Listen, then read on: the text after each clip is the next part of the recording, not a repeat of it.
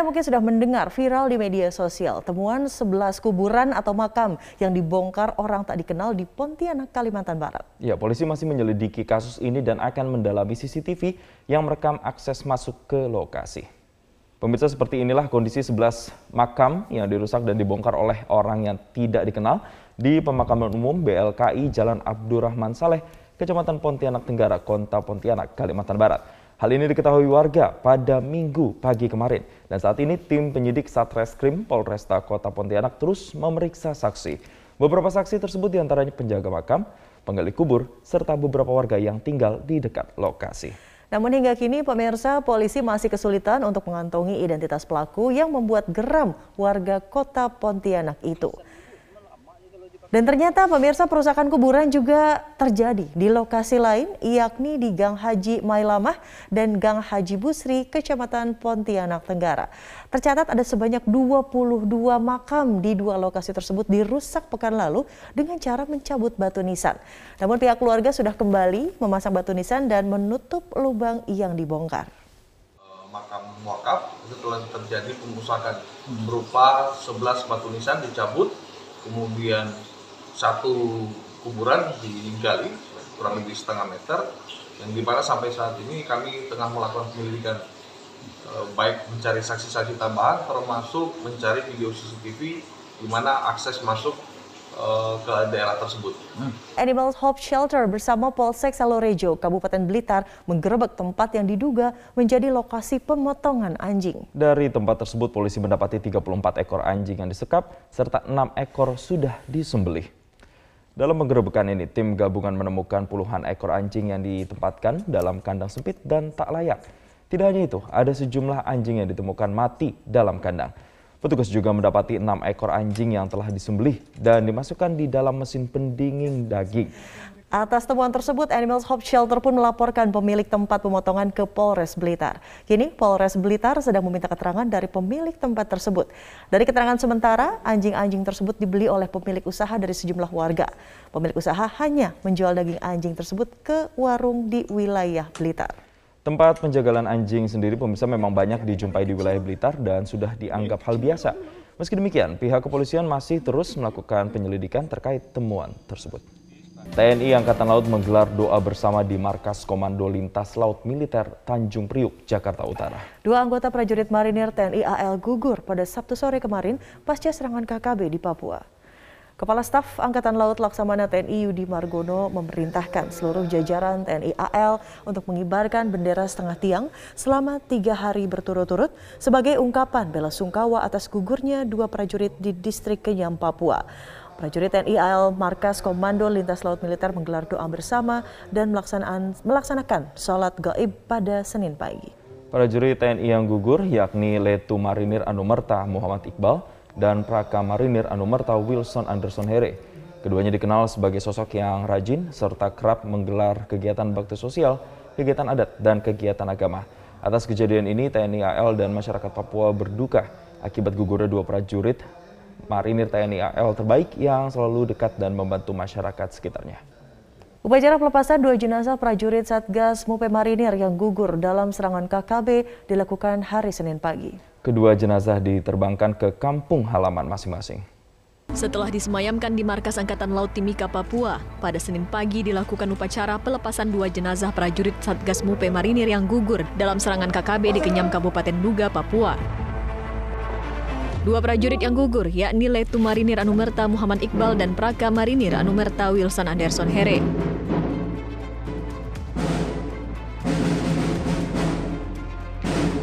Usai upacara pelepasan, kedua jenazah prajurit yang gugur dibawa ke Bandara Moses Kilangin dengan menggunakan dua mobil ambulans beserta pengawalan ketat aparat TNI Polri. Kedua jenazah diterbangkan ke kampung halamannya menggunakan pesawat komersil. Letu Marinir Anumerta Muhammad Iqbal dikirim ke Kenawe, Sulawesi Tenggara, sedangkan Praka Marinir Anumerta Wilson Anderson Here dikirim ke Kupang, Nusa Tenggara Timur. Kontak senjata antara prajurit marinir dan KKSB pimpinan Egyanus Kogoya bermula saat KKB menyerang pos Satgas Marinir di Perikanan Kuari Bawah pada Sabtu sore pukul 18 waktu Indonesia Timur. Akibat serangan itu, dua prajurit gugur, salah satunya komandan pos dan melukai delapan prajurit yang kini masih menjalani perawatan di Rumah Sakit Umum Daerah. Insiden penyerangan kelompok kriminal bersenjata atau KKB Papua yang menewaskan dua anggota TNI menyisakan duka mendalam bagi keluarga. Ya, salah satunya adalah keluarga Praka Anumerta Marinir Wilson Anderson Here di Kupang, Nusa Tenggara Timur. Duka mendalam dirasakan orang tua dan keluarga Praka Anumerta Marinir Wilson Anderson Here di Kupang, Nusa Tenggara Timur. Wilson Here gugur akibat penyerangan KKB Papua di distrik Kenyam, Kabupaten Duga, Papua pada Sabtu lalu.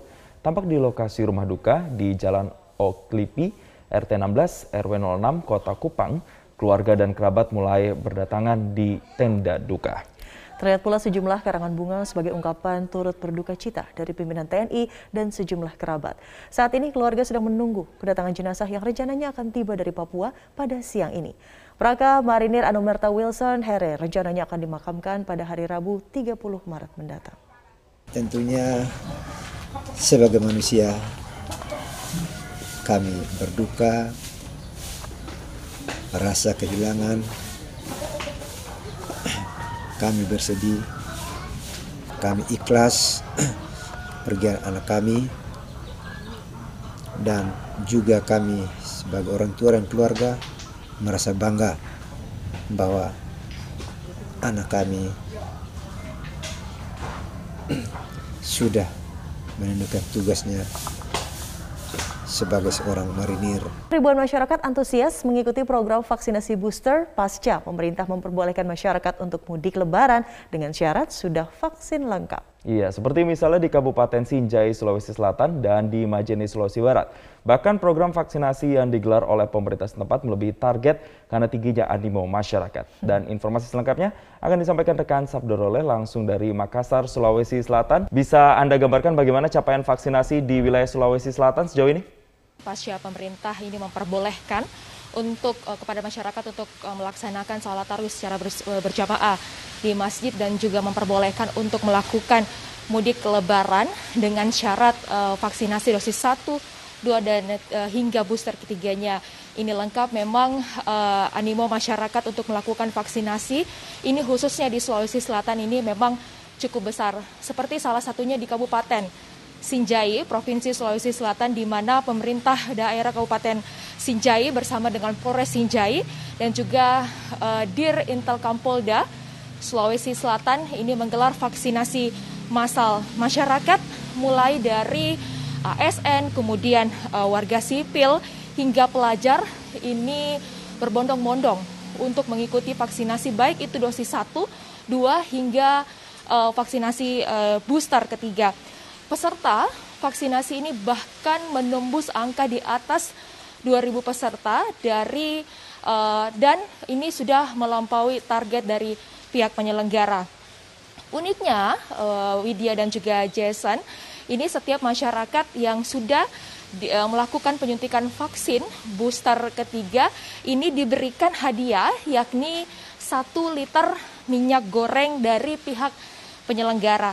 Tingginya animo masyarakat untuk mengikuti vaksin, uh, vaksinasi khususnya vaksinasi dosis ketiga ini terjadi pasca uh, pemerintah memperbolehkan pelaksanaan sholat tarwi dan juga uh, serta mudik lebaran dengan syarat vaksin, vaksinnya ini harus lengkap satu, dua hingga booster.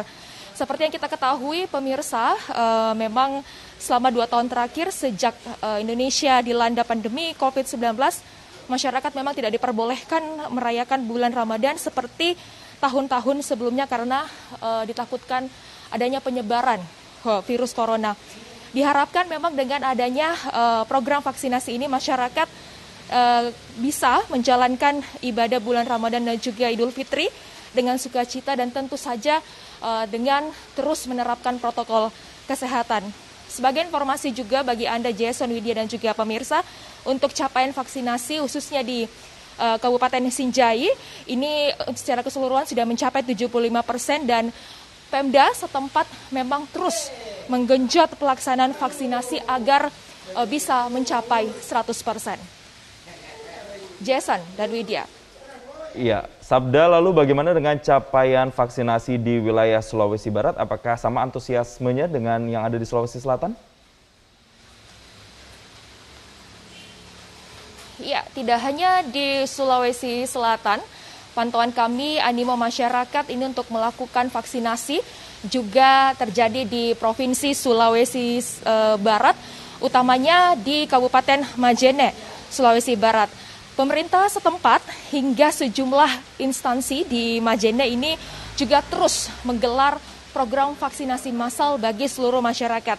Tidak hanya bagi masyarakat umum, namun juga bagi warga binaan yang berada di rumah tahanan Kabupaten Majene Provinsi Sulawesi Barat. Tercatat ini ratusan warga binaan di rutan kelas 2 ini telah menjalani vaksinasi dosis 1 2 hingga vaksinasi booster ketiga. Tidak hanya warga binaan, namun vaksinasi ini juga diwajibkan bagi seluruh pegawai rutan dan bagi pegawai rutan ini yang vaksinasinya sudah lengkap ini tahun ini eh, juga diperbolehkan untuk melakukan mudik lebaran.